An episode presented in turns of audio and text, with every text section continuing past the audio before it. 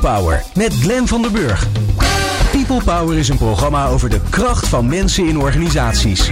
Met interviews en laatste inzichten voor betere prestaties en gelukkige mensen. Deze week gaat Glenn van der Burg in gesprek met... Esra van Belen is de gast, oprichter van School for Ninja. Veranderen is noodzakelijk voor mensen en organisaties, maar het is ook heel lastig. In People Power Change gaan Jeroen Buscher en ik op zoek naar inzichten in veranderingen. Dat doen we in gesprek met mensen die veranderingen aanvoeren, de change agents. Zij zijn de inspiratiebron voor de gedragsverandering van anderen. Hoe veranderen zij organisaties, teams of individuen? School for Ninja is een start-up die via een app medewerkers wil helpen om beter om te gaan met stress en burn-out. Hoe kan een app mensen helpen bij veranderen? Esra van Belen is oprichter van School for Ninja en zij is te gast in People Power Change. Wil je nou de nieuwste afleveringen van People Power via WhatsApp? Sla ons nummer dan op onder je contactpersonen 06 45 66 7548. Stuur ons een berichtje met je naam en podcast aan. En dan sturen we de nieuwste aflevering direct zodra ze online staan. Fijn dat je luistert naar People Power Change. People Power. Inspirerende gesprekken over de kracht van mensen in organisaties. Met Jeroen Buescher. Ja, en dames en heren, welkom en leuk dat u luistert. Uh, uh, Glenn wil altijd meteen dat ik begin, maar er is iets opvallends vandaag. Want meestal ruikt het hier heel fris en ze desinfecteren hier alles en zo. Maar er hangt nu een wat wat zweetlucht. Ik weet niet wat het is. En ook Glenn, dames en heren, die, die ziet er anders uit. De, de, onder zijn oksels, zweetplekken, pareltjes op zijn voorhoofd. Want, moet u weten, van vijf tot zes presenteert Glenn zijn nieuwe boek. Ja, hoe werkt de mens? En zal ik hem interviewen. Dus luistert u live of luistert u dit terug? Kijk naar de, luister naar de en kijk naar de boekprestatie van Glenn van den Burg. Tot zover dit commercieel begin. Esra van Belen, heel erg welkom bij uh, People Power Change. Eerste vraag, niet verrassend. Wat heb jij nodig om te kunnen veranderen? Uh, niet. Volgens mij is het leven is veranderen. Ik denk dat je eigenlijk als mens kan je niet niet veranderen. En dat is ja, ik denk op een heel onbewust niveau bijvoorbeeld uh, al de cellen in je lichaam die zichzelf constant vernieuwen. Dus je lichaam vernieuwt zichzelf. Um, en op een bewuster niveau zijn dat de, ja, de verbindingen die je constant uh, legt in het leven. Dus ik uh, ontmoet nu bijvoorbeeld Glenn voor het eerst. Nou, dat verandert mijn leven. Nogal, ja. Ja. Zo, jullie weten hoe erg. Ja, ja, mijn leven is ook veranderd. Niet ten goede speciaal, maar veranderd wordt het zeker. Ja, ja, ja. ja. ja. Hey, en en uh, zie jij jezelf als een... In, op mijn leeftijd ben jij van een jongere generatie. Ben jij, ben jij uh, een, een, een verandergeneratie voor wie dat zo natuurlijk is? Beschouw je dat zo? Uh, ja. Want jij, jij, ik mag jou millennial noemen, toch? Volgens mij ben ik officieel een millennial. Ik ja. ben uit 84. Dus uh, ja. Ja.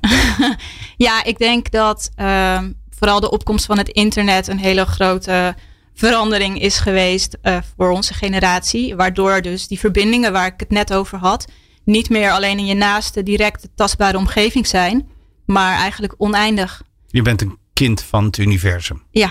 Ja. Ja. De... En, en, en waar, waarom is het voor die generatie, dit wordt geen generatieonderzoek, maar waarom is het als je geboren bent in een tijd dat internet vanzelfsprekend was. Mhm. Mm -hmm. uh, waarom is veranderen dan de norm? Want je geeft eigenlijk een antwoord wat heel herkenbaar is voor millennials. Van ja. alles verandert, ik verandert voortdurend. Mhm. Mm -hmm. Niet op zoek naar mijn eigenlijke ik, maar wat ik nu weer zou kunnen worden. Waarom, waarom is dat zo vanzelfsprekend van die generatie? Want uiteindelijk gaat jullie product daar ook over. Ja, ja dus um, we gaan het zo over ons product hebben, maar dat heeft met speelsheid te maken. En ik denk dat um, Kijk, van nature zijn we allemaal spelers.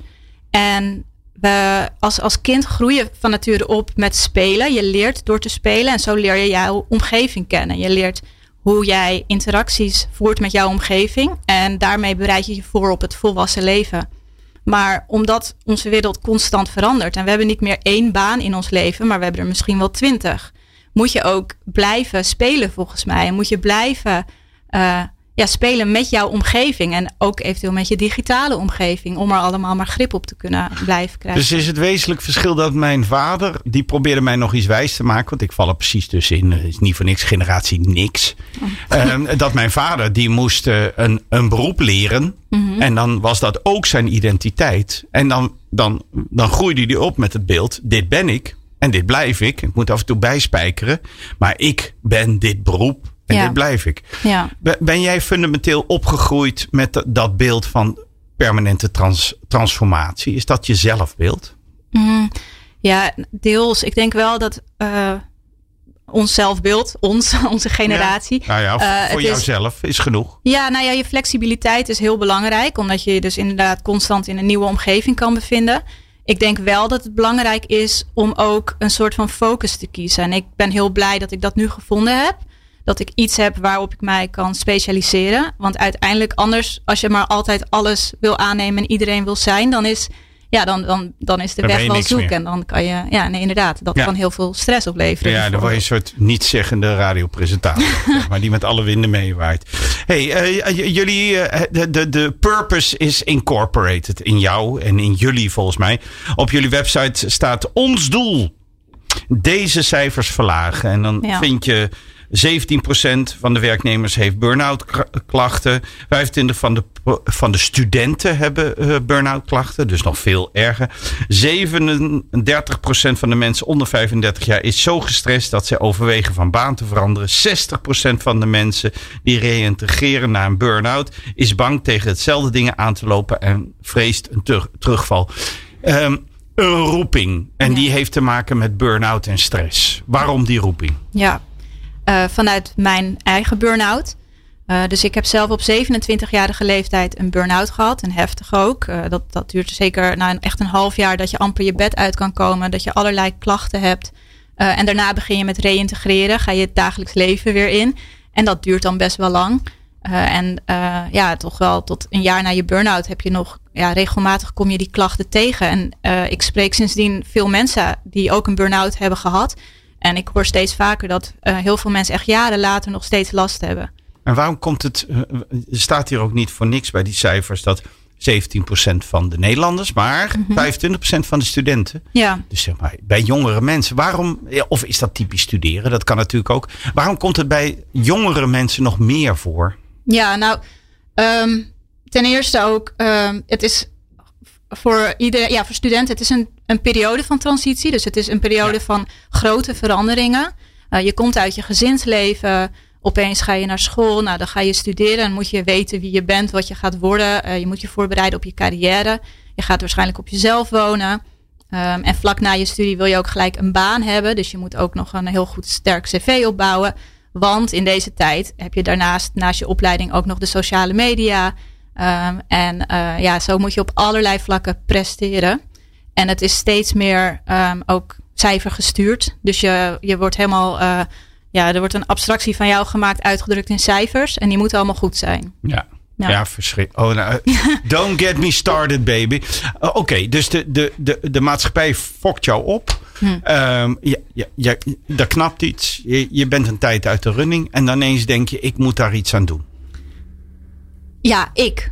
Of uh, in, wat, wat er in mijn situatie is gebeurd. Ja, ja, dus nou, wat, wat, ja, ja, precies. Wat bij mij het geval was, het was niet in mijn, mijn studententijd. Dat ging heel goed. Ik, ik studeerde echt uh, nou, uh, goed af. En ik vond daarna ook een, een baan als business intelligence consultant. en dat ging ook heel goed. Ik hoorde bij de top 5% die een promotie kreeg binnen een jaar.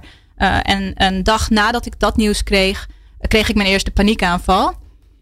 en op dat moment ja, ben ik eigenlijk niet meer aan het werk kunnen gaan. Dus dat was binnen een jaar nadat ik begon met werken. Um, ja, dus. En, en uiteindelijk, uh, oké, okay, je komt in die burn-out. Je komt er weer uit op een gegeven moment. Ja. En dan, en dan er is iets met playfulness. Je noemde ja, ja, ja, ja, ja. Toen, toen, je, je, hebt leren spelen. Of waarom is dat spelen, maar even persoonlijk voor jou, waarom is dat zo'n belangrijk thema? Want dat komt steeds terug. Ja, ja. Ja, voor mij, uh, ik zie mezelf als een heel speels persoon. Al van jongs af aan bedacht ik mijn eigen spelletjes. Maar de wereld wilde dat niet. Uh, um, nou, ik ben het kwijtgeraakt. Ja, ja, dus eigenlijk door de sleur van het dagelijks leven, door al die verwachtingen vanuit al die hoeken, Um, en dat zie ik ook, dat, dat is kenmerkend voor mensen met burn-out. Die willen aan al die verwachtingen voldoen. Die nemen alles ontzettend serieus. Die hebben een groot verantwoordelijkheidsgevoel. Uh, en ik was ook een van die mensen. Uh, en op een gegeven moment in mijn burn-out en, en na de heftigste periode kwam dat inzicht dat ja, ik, ik was nog steeds uh, in mijn burn-out aan het solliciteren. Want ik dacht, als ik maar die droombaan vind, dan kom ik er wel weer uit, dan krijg ik wel weer die energie.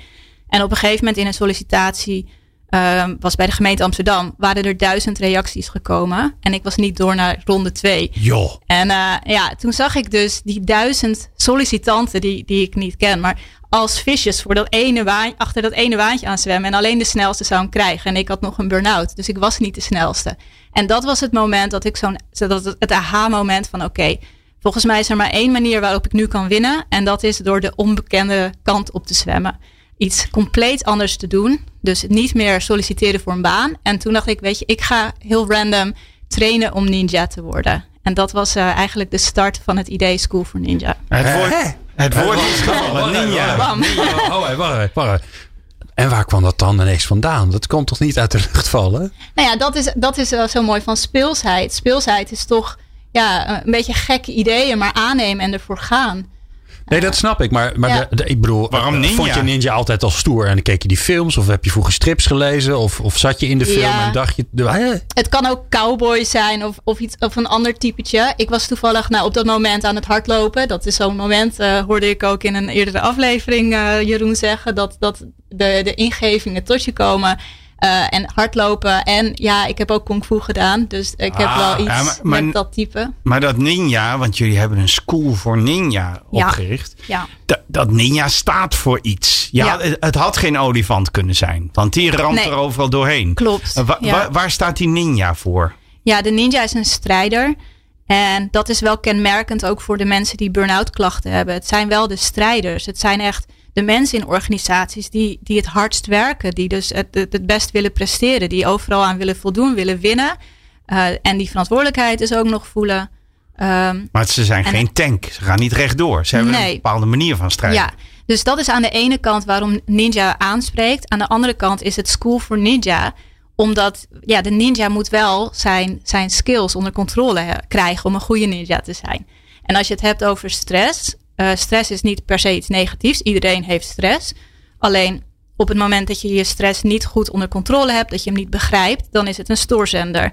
En, en, want ik zie een ninja ook als lichtvoetig. Ja. eh, flexibel. Ja. Ehm, ehm, ook onverwachts. Een ninja komt nooit recht van tevoren. Die, die springt van, eh, van je dode hoek in je nek. Ja, Tikje dodelijk ook. Ja, het- ook een tikje dodelijk. Maar goed. Voor de anderen vooral. Overbevolking Ja. toch al. ja. Dus, maar, maar de, de, de- verbind eens even die playfulness en, en dat beeld van die ninja. Waar, waar- waarom, Ja, was die- nou ja- waarom voelde die ninja zo goed? Want toen ik ervan hoorde, vond ik meteen briljant. Want ik Ja. vond die ninja en stress, dacht ik ook, oh, dat is echt een goed beeld. Ja. Maar Nou leg ja, mij ja. eens uit, waarom klopt dat zo goed? Ja, bijvoorbeeld ook door het eh, verbinden van, van lichaam en geest. Dus eigenlijk is volgens mij je geest je lichaam, maar de ninja is in balans. Dus inderdaad, jullie zeggen al, die, die hebben die Even spirituele kant. En, ja, dus, dus de ninja is in balans. En de ninja is ook een, een type dat kan bijvoorbeeld infiltreren. Die kan geheime missies uitvoeren. En die kan zich aan allerlei verschillende rollen aanpassen. Zonder dat iemand dat doorheeft. En op die manier. Ik moet trouwens één ding beseffen. Dat Glenn denkt nu dat we het over schildpadden hebben. Die denkt dat ninja schildpadden zijn. Hè? Maar dat, dat, Dus de, de ninja schildpad toch? Dat Nee, nee, dus- nee. Er zijn ook gewoon ninja's Zoetwater. die geen groene schildpad ja. hebben. Zoetwater schildpad. Dat is de generatie Ja, voor mij. ja, nou, ja, net millennial. Leonardo. Michelangelo. Juist. Oké, we gaan weer Teenage verder. Mutant Ninja Turtles. Sorry. Ja. Eh, maar eh, de, de ninja als, als bewegelijk, eh, ehm, ook een beetje solistisch, spelend. Ja. En, en daar hebben jullie eigenlijk een, een, een, een playful... de- jullie beweren dat je mensen weer gaat leren spelen. Ja. En, en, en definieer spelen dan. Ja, ik, ik gebruik altijd een definitie uit een boek eh, Rules of Play. En dat is eh, vrije beweging binnen een eh, meer rigide structuur. Dat is ontzettend breed toepasbaar. Maar dat moet je leren. Ja, dus Ja. eigenlijk ehm, iedereen volgt regels. of dat nou sociale media regels zijn of, op, of in jouw werk. Ehm, maar er zit altijd vrije beweging in die regels. En die vinden. En die vinden, ja, dat is een kern van spelen. Dus het is niet zo dat de, de antidote tegen stress is niet fuck the mol. Maar het is eigenlijk leer losjes omgaan met dat wat die omgeving van je vraagt. Um, ja, en ja, het is inderdaad, ik, in, in het begin van mijn burn-out had ik wel het fuck them all gevoel. Want je bent boos op het systeem. Want je denkt, oh, door, door het systeem ben ik ziek geworden. Uh, ik, uh, ik zeg nu, ik, ik was een pion geworden in het spel van een ander. En ik heb geleerd om zelf weer de touwtjes in handen te hebben. Je kan ook zeggen, jij uh, bent niet zo met het systeem omgegaan dat je jezelf beschermd ja, hebt. Ja, dus eigenlijk inderdaad. En kijk, een burn-out komt door twee verschillende dingen. Eén is een disbalans tussen dingen die je energie geven en dingen die energie kosten. maar de andere kant, dus dat zijn hele externe factoren waar je geen controle op hebt vaak. En de andere kant is jouw perceptie van die omgeving. En jouw perceptie van die omgeving, ja, als, als die niet goed is, als die niet aansluit bij dat systeem, dan kan je dat heel, als, als heel stressvol ervaren. Maar uh, een perceptie kan je dus draaien. En dat is misschien ook wel bijna de definitie van spel. Um, een andere perceptie van je omgeving hebben. Dus vanuit dezelfde situatie op speelse wijze kijken, kan ik anders reageren dan dat ik dacht dat ik moest reageren. Ja. En dat doen jullie bij School from Ninja. Dit is Esra van Belen, luisteraars, met een app. En in het volgende gedeelte gaan wij daar eens dieper op in hoe dat dan werkt. People Power op Nieuw Business Radio. Dit is Menno Lanting, spreker en schrijver. En ik kan me voorstellen dat je wellicht eens op zoek bent naar nieuwe inspiratie, nieuwe inzichten. Kijk dan vooral eens naar People Power. Mooie verhalen, mooie inzichten. Ik raad het van harte aan. People Power met Glenn van der Burg. En Jeroen Buscher. Ja, en u bent bij People Power Change en wij uh, interviewen change veranderkatalysatoren. En deze keer is dat Esra van Belen, die met School for Ninja probeert mensen uh, te helpen veranderen. Uh, zeker in het geval dat ze stress en burn-out ervaren. Um, Oké, okay, uiteindelijk School for Ninja, als je het allemaal materialiseert, is het een app. Hoe, Ja. kom je nou, hoe gaat een app mij helpen tegen stress en burn-out? Ja, het, het, is, het, het is een training in de vorm van een app. Dus uh, voor mij is het mail niet het belangrijkst. Het is wel digitaal, omdat we dat heel praktisch vonden. Omdat mensen met burn-out klachten, uh, ja, die, die zit, hebben wel hun telefoon bij zich, maar die kunnen moeilijk fysiek uh, naar, naar een locatie toe. En Ja, ja, en heel goed middel als er corona is. ja zeker. Ik denk ja. dat ik eindelijk de mensen heb gevonden die dat coronavirus hebben bedacht. Uh, uh, ja, ga door, sorry. Ja, nou ja, dus het is, het is makkelijk, het is toegankelijk ook. Uh, omdat je in onze app ook anoniem kunt spelen. Dus ook voor misschien een jongere generatie die nog wat onzekerder is om kwetsbaarheden te delen. Uh, is een app best, dat is een, een wereld die ze kennen en die wat veiliger voelt. Oh, oh, door dat gevoel van anoniem. Ja. En het is een virtuele wereld. En het is een virtuele wereld. Um, en, en je, je, maakt, je maakt een personage aan. Daar gaan we allemaal niet te diep op in. -hmm. En dan ga je spelen. En, en hoezo, help mij eens. Ik ga spelen in een app. En dat gaat me helpen bij de manier hoe ik stress ervaar en ik burn-out ervaar. Wat is de, hoe is dat principe? Ja, dus als je de app inkomt, dan, ben je, dan, dan neem je de rol aan van ninja. Die gaat trainen in de School for Ninja om ninja te worden. Dus je ja. omarmt eigenlijk een andere werkelijkheid. Ja. Uh, wat die app doet, die neemt je mee in zo'n verhaal. Die, die introduceert die werkelijkheid. Die zegt, hier gelden andere regels. Uh, en in onze training zijn vijf experts van spel. Allemaal met een andere expertise. En die gaan jou trainen. Oké. Okay. Um, en wat doen zij? Zij geven jou, zoals veel trainingen uh, en health of stressinterventies, zijn dat kleine opdrachtjes. Uh, wij maken die heel klein en speels. Ja. Maar belangrijk is dat die opdrachtjes, die doe je in je dagelijks leven. Dus die zijn niet in de app. Geef me eens een voorbeeld. Uh, een voorbeeld is. Uh, nou ja, de allereerste, de allereerste opdracht is dus het aanmaken van jouw ninja-naam. Ja, dat begrijp ik. Ja. ja. Uh, maar dat, daarmee doe je al. Dus, dus dan ga je al nadenken over. wat is mijn ninja-karakter? En dan distancieer je je even een beetje van jouw dagelijkse zelf. Zodat je met ook een ander perspectief naar jezelf kan gaan kijken. Dus ja. achter al die opdrachtjes zitten psychologische. Ja, uh, uh, werkende factoren. Nou, we hebben nog een andere opdracht. Even denken. Een willekeurig. Een willekeurig. Je moet bijvoorbeeld iemand gaan maar welk, schaduwen. welk personage zou Jeroen zijn, denk jij? Dat Gaan we ben ik wel benieuwd naar. Hebben, nee, helemaal niet. Ik ben er nu heel benieuwd naar. Nee, dat, dat moet hij zelf gaan oh, uitvinden. hij moet zelf kiezen. Ja. Maar creëer je hem helemaal zelf? Of heb je zeg maar zeven archetypes en kies je een van de nee, zeven? Nee, dus je krijgt ook geen avatar. jij bent een ninja. Dus je gaat de ninja in jezelf ontdekken. Oh. Dus je gaat via een opdrachtje, ga je achterhalen. Eh, wat is jouw ninja naam? Wat is jouw ninja kracht? Eh, dat zijn allemaal opdrachtjes in die app. Nou, daarmee ga je dus... De Bush. Ja, de, de Green Turtle. Hey, Nee, de Bush. Ga door. Je hoort hem niet aankomen. Het- het- het- het- Ik heb er nu Glenn- al zin in, Glenn- heeft de laatste tijd heel veel stress ervaren. Dus daar moeten Ja, we je- nog- ja, ik nodig jullie allebei uit. eh, spelen. Een rustige kader. Zijn boek wordt straks gepresenteerd, dus hij is kapot. Ja. Maar goed, eh, je, je, bent, je, je, je vereenzelvigt je met een ander type personage, maar dat is gebaseerd op je eigen kwaliteit. Ja. Dat begrijp ik. Ja. En, maar ik wil heel graag zo'n. Zo'n opdrachtje. Ja. je gaat iemand bijvoorbeeld schaduwen. Eh, dat is een opdracht in de fase die gaat over het rollenspel. Ja. Dus eh, rollenspel is een manier om je eigen patronen te doorbreken. Om te kijken van, hé, hey, wat zijn eigenlijk andere manieren? Eh, en als je iemand gaat schaduwen, op anderhalve meter in dit geval, afstand in ieder geval.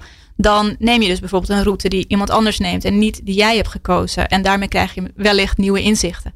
En, en kan dat bijvoorbeeld betekenen dat ik, dat ik een, een ochtend achter iemand aan ga lopen? Op, op het Mhm. werk bijvoorbeeld. Want ik neem niet aan dat je nu stalkers aan het maken zijn. Maar Ja. het gaat wel om, let, niet een opdracht die je in je hoofd maakt. Ja. Maar een opdracht die je ook in de werkelijkheid uitvoert. Dus Ja. dan ga ik tegen Glenn zeggen. Zeg maar, ik weet niet of dat stressverlagend is. Maar ik ga achter.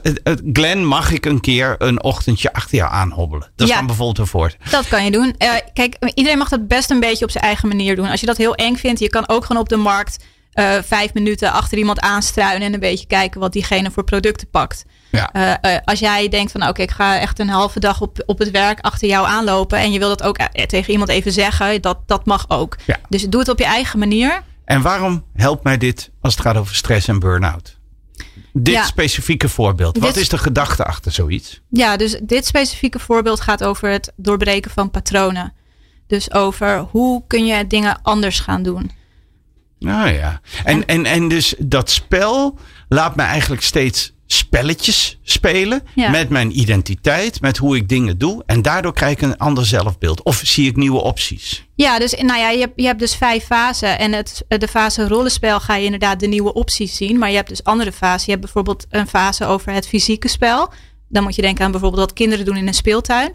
Daarmee leer je jouw lichaam kennen, de zwaartekracht. Maar bijvoorbeeld een, eh, een ademhalingsoefening, die zit in die fase. Daarmee leer je jezelf beter kennen en je lichamelijke sensaties beter begrijpen. En di- dit, dit spel lijkt mij heel veel psychologisch inzicht vragen. Hoe Mhm. zijn jullie, hoe ben je daaraan gekomen? Ja, ja dus ik, heb, eh, ik ben ten eerste ervaringsdeskundige, maar ook dankzij mijn burn-out, wat heel veel mensen met een burn-out doen, eh, die probeerden alles om er maar uit te komen. Dus ik heb toen ook inderdaad nou, van haptonomie tot mindfulness, ik, ja, psycholoog, eh chiropractie. Ja, je probeert echt alles. Dus je, je komt met veel in aanraking. Eh, en uiteindelijk bij de ontwikkeling van de app hebben we ook samengewerkt met ervaren eh, coaches en therapeuten. Ja. En, eh, ehm, ja, en tenslotte, ik ga uiteindelijk ga ik nu ook een, een geaccrediteerde burn-out opleiding doen. Om het allemaal nog beter eh, te kunnen maken. Maar zo Dus jullie proberen wel zoveel mogelijk evidence-based dan, Ja. eh, dan, dan eh, oefeningen of, of, of vragen of uitdagingen te bieden. Ja. En, die, en door de spelmatigheid van de app word je daar ingetrokken. Want je krijgt beloningjes. Het is net zoals bij een gewoon spel. Ja, ja, je, hopelijk word je hooked. Ja, maar, ja, maar dat is wel een grote belangrijke factor. Want eigenlijk het hoekt worden, dat is natuurlijk heel kenmerkend voor heel veel eh, eh, tools die mensen gebruiken, die juist stress opleveren.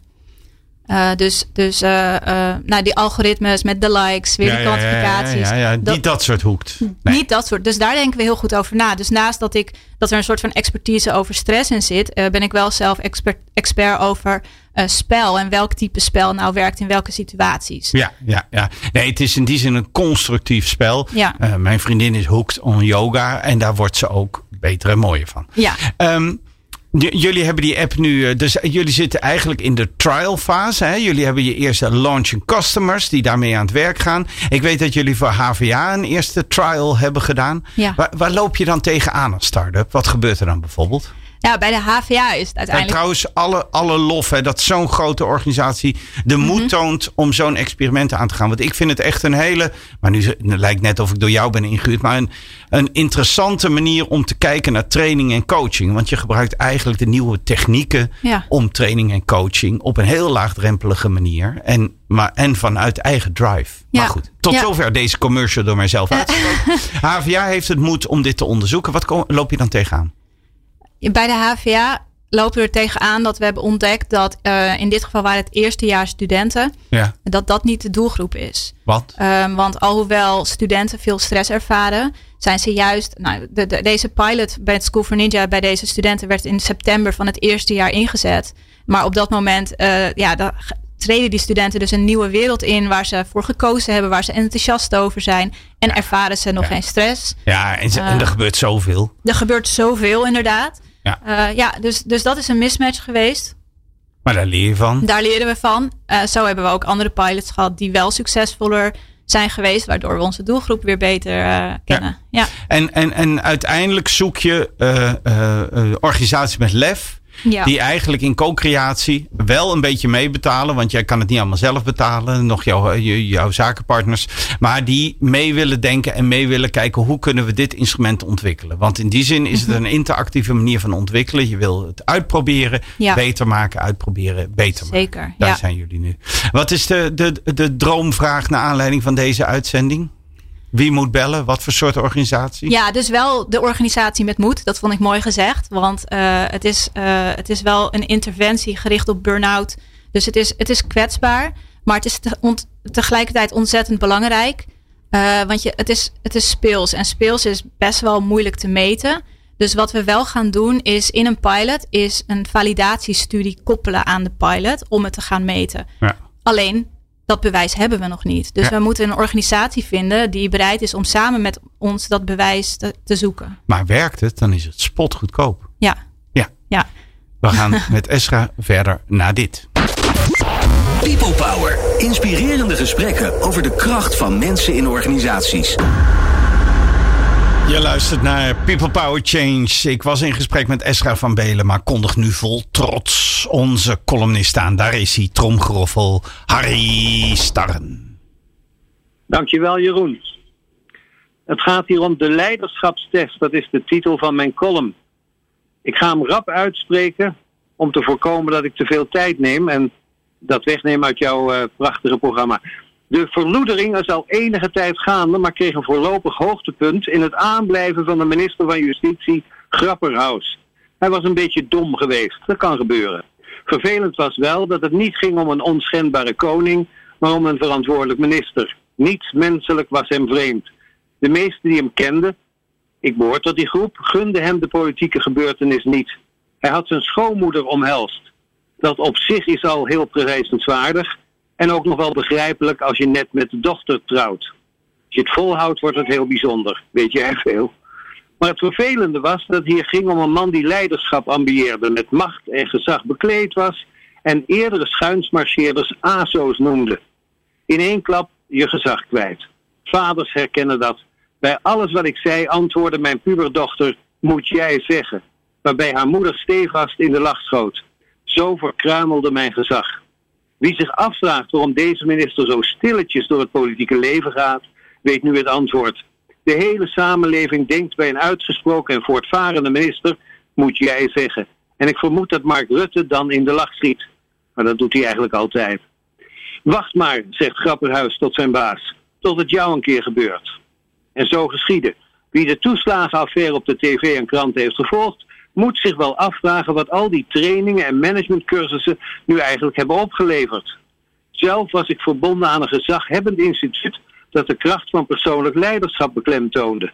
Dat was voorbij management. Leiders doen de goede dingen, managers doen de dingen goed, kwaak ik Warren Bennis na. We zagen een pijnlijke processie. We zagen hoe een vakinhoudelijk gedreven vrouw haar verantwoordelijkheid nam. Ze memoreerde de naderende catastrofe.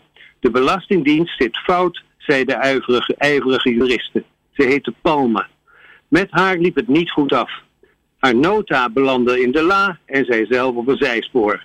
Daar ga je met je persoonlijke leiderschap. Een beetje dom. De loopbanen van de andere brokkenmakers verliepen voorspoedig. Ze maakten een ambtelijke carrière en dan is een beetje buikpijn, buikpijn een betaalbaar offer. Je bent niet trots op jezelf, maar thuis zijn ze heel tevreden. De eindverantwoordelijke ging het ook goed. Op Menno na, met hem ging het snel bergafwaarts.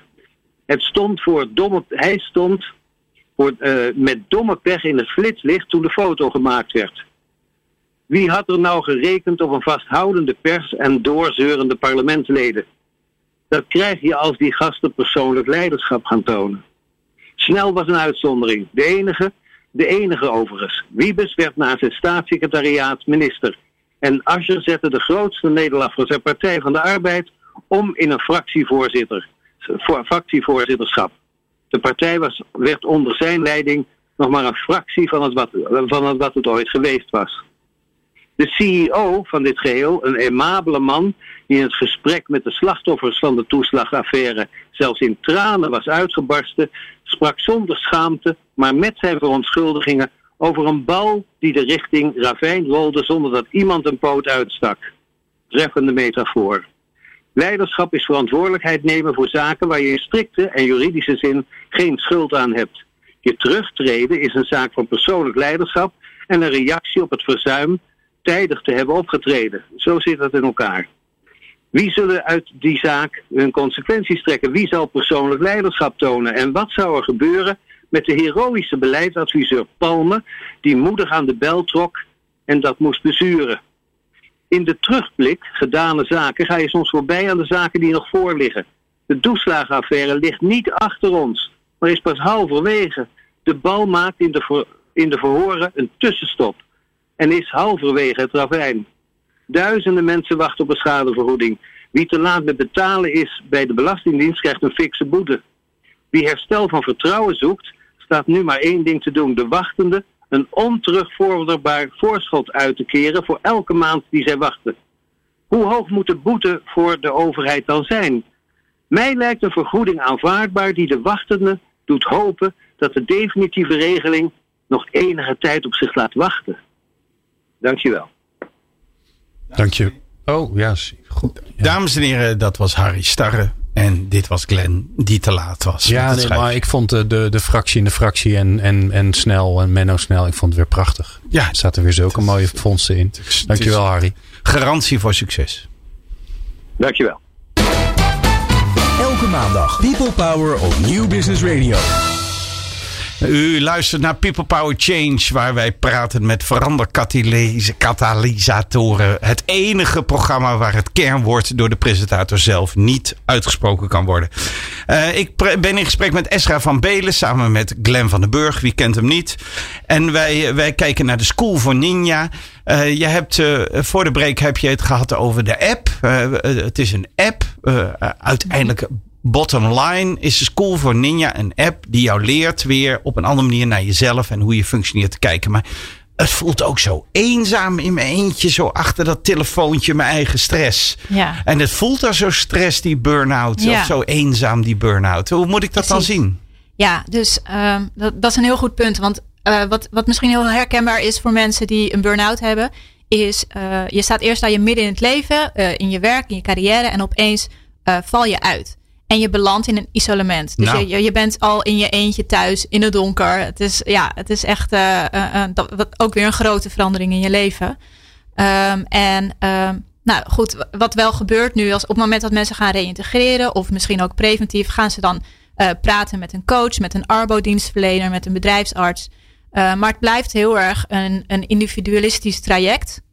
Um, en aan de ene kant is dat ook heel prettig, want de omgeving waarin je voorheen was, daarin ben je eigenlijk gebroken, uh, opgebrand geraakt. Dus um, ja, je gaat, je gaat op zoek bij jezelf van waarom ben ik nu uitgevallen. En je, je moet even uitpluggen. Ja, en, ja maar je wordt echt wel een soort van een patiënt in, in die fase. Nou, en wat wij met School for Ninja juist willen doen, is uh, zorgen dat mensen zich niet meer een patiënt voelen, maar een ninja. Dus uh, je gaat eigenlijk de, de positieve psychologie gebruiken.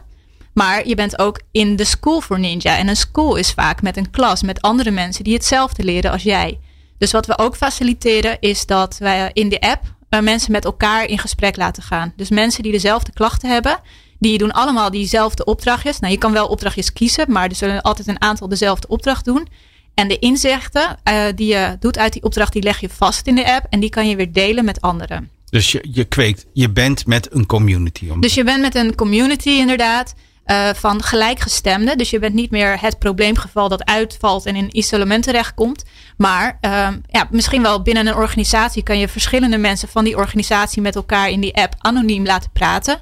Waardoor ze uh, doorhebben van hé, hey, ik ben niet de enige en ik ben niet een probleemgeval. Dit is iets wat speelt. En hier, ja, je gaat een transitieproces door, een verandering. Veel mensen die dat uh, heel intensief aanpakken en waaronder ik mezelf schaar, ervaren ook wel een soort van post-traumatic growth. Uh, dat je er echt sterker uitkomt dan dat je voorheen was. Veel bewuster, et cetera. Nou, speelser in ons geval. Um, en als je dat samen kan doen, dan heb je ook echt wat te bieden weer aan de organisatie waarin je terugkomt. Ja. Want ja, van die inzichten, die waardevolle inzichten, kan de organisatie leren. En dan kunnen ze ervoor zorgen dat de nieuwe werknemers niet in dezelfde valkuilen gaan stappen. Ja, ja het, het is het principe van failliet gaan. In ons land ben je dan eigenlijk verdacht. Ja. Maar eigenlijk is iemand die failliet gaat, die heeft een ervaring, dat zal hem niet nog een keer gebeuren. Die moet je juist vertrouwen. En dat, en Ja. dat zeg je eigenlijk ook. Je wordt, je wordt zelf weer een change agent voor je omgeving. Ja. Omdat je ervaring hebt en Precies. verstand van zaken hebt. Want wat zo zonde is, wat nu veel gebeurt, is dat. Nou, we hebben al, ik heb al even benoemd dat het vaak juist de zeer gemotiveerde eh strijder mensen van jouw organisatie zijn die, die omvallen. Dat zijn echt het, type mensen dat een burn-out krijgt. Ja, niet de Eh, duikers. Nee, en dat zijn hele waardevolle mensen eigenlijk voor je organisatie. Dus dat is ontzettend zonde dat je die verliest. Maar wat er nu veel gebeurt, is dat er wordt gestuurd op zorg dat ze zo snel mogelijk weer terugkomen. Dus die mensen krijgen, eh, nou helaas soms ook alleen een aantal kopingsmechanismen mee. Van nou oké, wat werkdrukverlaging, wat oefening op het moment dat je de stress ervaart om die weer te onderdrukken. Maar daardoor duurt het voor heel veel mensen ook zo lang. Je blijft maar doorkabbelen op een soort van halve kracht. Terwijl als je echt de oorzaak aanpakt, dus namelijk de perceptie die jij hebt op de wereld, De dan attitude. de attitude inderdaad, ja, dan kan je eerder die post-traumatic growth doormaken. En als je dan ook nog van die mensen gaat leren als organisatie, pak je ook nog eens die balans tussen de stressoren en de, eh, de hulpbronnen aan. Dus dan, dan, dan heb je echt beide oorzaken te pakken en kan je dus een, een veel duurzamere eh, ja, situatie creëren. En tegelijkertijd eh, steken jullie als School van Ninja je, je nek uit. Want je, je bent met een grensverleggend product bezig. Want meestal, op het moment dat het over psychische zaken gaat, dan, Ja. dan denken we allemaal Freud. Dan moet je met mensen praten. Dan moet het over je verleden gaan, et cetera. Ja. Eh, A is jullie houding eh, appreciative, dus waarderend. Je, je gaat vanuit kracht en niet vanuit wat kan je niet. En, en, eh, en je gaat dat doen via een medium wat, wat, ja, wat helemaal niet geassocieerd wordt. Je krijgt stress van apps, Ja. maar die zijn er niet om te verdrijven. Ja. Hoe wordt erop gereageerd door klanten, door organisaties? Nou, wat we nu vooral merken, en dat is ook een opdracht aan onszelf hoor, maar ehm, vaak wat de reactie is, we kunnen het nog niet helemaal plaatsen. En dat is natuurlijk moeilijk met innovatie. Het is experimenteel en het is nieuw. Dus mensen kunnen het moeilijk plaatsen. Van, is het nou een training of is het nou curatief of preventief? En dat zijn, ja, aan de ene kant moeten wij dat duidelijk weten uit te leggen. Dus ik hoop dat ik dat in deze uitzending een beetje eh, eh, goed gedaan heb. Uh, maar dat is wel de onzekerheid. En uh, daarbij, wat heel belangrijk is, is wat levert het ons direct op? Het meetbare. Kijk, speelsheid is experimenteel, is ontdekken, menselijkheid. Dus het is, het is moeilijk uit te drukken in cijfers. En uiteindelijk is degene die natuurlijk de handtekening moet zetten onder wij kopen dit product, die wil Ja. gewoon weten wat rolt eruit aan de onderkant. Ja, we zijn nog in de fase, wij co-creëren dit product. Ja, Ja, precies. zit, eh, En we gaan echt wel op zoek naar die cijfers. Daar, eh, ik bedoel, als, als eh, game designer weet ik wel van eh, dat de abstractie van de werkelijkheid echt wel helpt om, eh, om grip te krijgen. Dus dat, dat willen we zeker wel eh, realiseren. Eh, grappig is, ik hoor je nu ineens zeggen, als game designer. Dus Ja. dat is wat je bent geworden. Oh ja dat, dat, ja, dat hebben we helemaal niet benoemd. Maar dat is Nee. inderdaad dankzij mijn ninja training. Ik heb een master gedaan in game studies. Ik heb Ja. een aantal jaar spellen ontworpen voor organisaties. Uh, en daar kwam ook wel het grote inzicht dat, kijk, spel is geen tijdverdrijf en ontsnapping van het dagelijks leven. Het dagelijks leven is eh, spel. Dus dat is ook dat is het gedachtegoed van Johan Huizinga, dat onze cultuur een spel is. Um, en als game designer uh, bij verschillende organisaties uh, heb ik dus games gemaakt. En dan is va- vaak is er vanuit een deel van de organisatie wel weerstand. Van ja, wat een onzin allemaal. We gaan een spelletje spelen. Het is een beetje de Nederlandse cultuur. Hè? Van nou, doe maar gewoon. Doe maar En, eh, gewoon, ja. Serieus is goed. En, en grappig zijn of leuk of Ja. lol maken. Is oppervlakkig. Ja. Ja. wat natuurlijk onzin is. Ja, wij weten dat het eigen ervaring. Ja, wij vinden ja. dat ernstige onzin. Ja, nou ja, mooi. Eh, ehm, en gelukkig is dat ook wat we doen in zo'n, eh, in zo'n game design traject. Waarbij je een game maakt van het bedrijf. En daar neem je altijd het bedrijf ontzettend mee. Dus je hebt altijd een groepje van mensen. En die ga je interviewen. Wat is jullie bedrijf? Wat is het doel? Wie zijn de spelers? Welke middelen heb je? En dan beginnen ze te realiseren. Oh, het is eigenlijk een spel. En eigenlijk het enige wat we doen is de spelkenmerken van jouw bedrijf highlighten in, in, een, ja, in een abstractie, in een simulatie. Ja. En daardoor kan je dus dingen beter overzien, beter grip krijgen, verschillende dingen uitproberen, fouten maken, snel leren. Ja, Hey Esra, ik heb in dit programma al, al tientallen change agents geïnterviewd die, die op verandering katalyseren. Eh, mensen die fusies begeleiden, mensen die, die, die, eh, die, eh, die, die coach zijn, mensen die consultant zijn, die een methode hebben. Je kan zo gek niet bedenken. Maar ik heb uiteindelijk is de change agent is de klant zelf. Hè? Want de, de app is alleen een manier om de Ja. kracht die in je zit te Ja. vinden. Dus Ja. jullie faciliteren de kracht die in de cliënt of in, in degene zit. Dus deze keer is de consument dus change agent van zijn of haar eigen leven. ja mooi gezegd. Mee eens. Oh, Ja. soms krijg je als antwoord gewoon ja. Ja. Terecht, terecht. Hey, en, en zijn jullie dan voorloper? Vinden wij het over twintig jaar veel logischer dat wij allerlei persoonlijke ontwikkelingsdingen met een app gaan doen? Ehm, ja, nogmaals, ik, ik, een app is maar, maar een, een middel wat dan nu gebruikt wordt. Ik weet, ik, over twintig jaar zal dat weer anders zijn. Eh, dan is er weer een ander toeltje. Misschien is het. eh, eh, ja, we, we, hebben ook nu veel de podcast bijvoorbeeld, die dan heel populair is, waar we nu ook aan meewerken. Ja, maar goed, wij, wij Dat zitten werkt in, ook voor alles overigens, hè? Podcast. Eh, ja, het, Dat is echt bizar. Een soort duizend, eh, duizend dingen doekje. anti-stress postcard. Ja, hebben we ook. Ja, Ja. hebben we ook. Heb je ook. ja. Hey, maar, maar wacht even. Je, je, ehm, de, de, de, de, de wereld automatiseert. Hè? De repetitief werk doen we steeds minder. ja. Ehm, eigenlijk eh, eh, worden coaches en worden psychologen heel zenuwachtig van dit product. dat, dat zou ik niet eh, terecht vinden. Want we, wat we wel hebben ingezien is dat juist de combinatie het sterkst is. Dus we hebben ook gepraat met arbodiensten. En die zeggen: Oké, ik, ik geef dus die één op één coaching. Maar ik wil de mensen graag iets meegeven. En wat wij ook als, als, als app aanbieders hebben gemerkt, is dat oké, eh, de app helpt mensen zelf. Maar op het moment dat ze ergens een vraag over hebben, dat er een onzekerheid is, is het toch wel ontzettend belangrijk dat er ook nog die fysieke persoon is, waarbij ze dat kunnen, waarmee ze kunnen sparren en daar, daarmee kunnen overleggen. Dus de combinatie is het sterkst. Ja, ja ik, zou, dat, ik, ik snap wel van de arbodienst dat ze zeggen dat ze nog steeds nodig zijn. Maar goed, dat ben ik. En de community speelt natuurlijk een belangrijke rol. Want Ja. uiteindelijk zeg je dat, dat heling en groei, Ja, dat dat een gemeenschapsding is. Dat dat iets is wat je, wat je in verbinding met anderen doet. Ehm, ja zeker. Natuurlijk. Verbinding is, is volgens mij nog het enige wat ooit aangetoond heeft dat, dat een factor is voor een gelukkig leven, is verbinding met een ander. Dus dat zou ik, dat zou ik zeker beamen. Ja. Ja, er Ehm. zijn twee zaken. Het is, Oh. het is verbinding met anderen en radio maken. Ja, dat zijn ja, ja, ja, dat zaken. dacht ik al. Ja. Ik ken ja, iemand die heeft ja, daar een boekje over geschreven. Ja, maar verbinding is heel Ehm, belangrijk, zeker. ja. Ja, Ja. super De, belangrijk. de, ja. Nou, een. Zou jij, die, de, zou jij een. die app gaan gebruiken als je burn-out was? Zie je het je doen, Glenn? Zeker. Maar, maar ik zou zeggen, waarom niet tevoren al? Ja. Toch? Ja. Ik heb er nu al zin in namelijk. Ik ben gewoon wijs Ja. benieuwd. Want dit lijkt me ook gewoon heel leuk om te doen. Ja, je Ja. bent al welkom. Op onze website kan je je al aanmelden. Dan moet jij En wat even is, zeggen wat de wat is website de is. URL dan? De Maar dat is dan een URL mooi is- einde ook altijd. Schoolforninja.nl Jeetje. Ik had het zelf kunnen bedenken, zo zie Ja, dat, eh, dat lag voor de hand. Heel goed. eh, geweldig. We hebben naar eh, Esra van Belen geluisterd. Esra van Belen die helpt mensen in stress en burn-out om hun eigen kracht weer terug te vinden. Vooral door speelsheid. Gefaciliteerd door een app en de gebruikers van die app. Uh, bent u, uh, woont u of geeft u leiding aan een dapper bedrijf?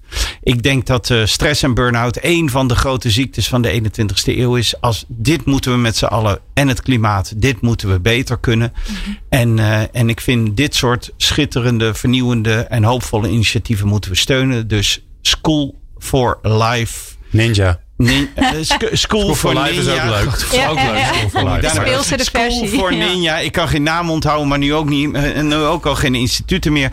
School for Ninja.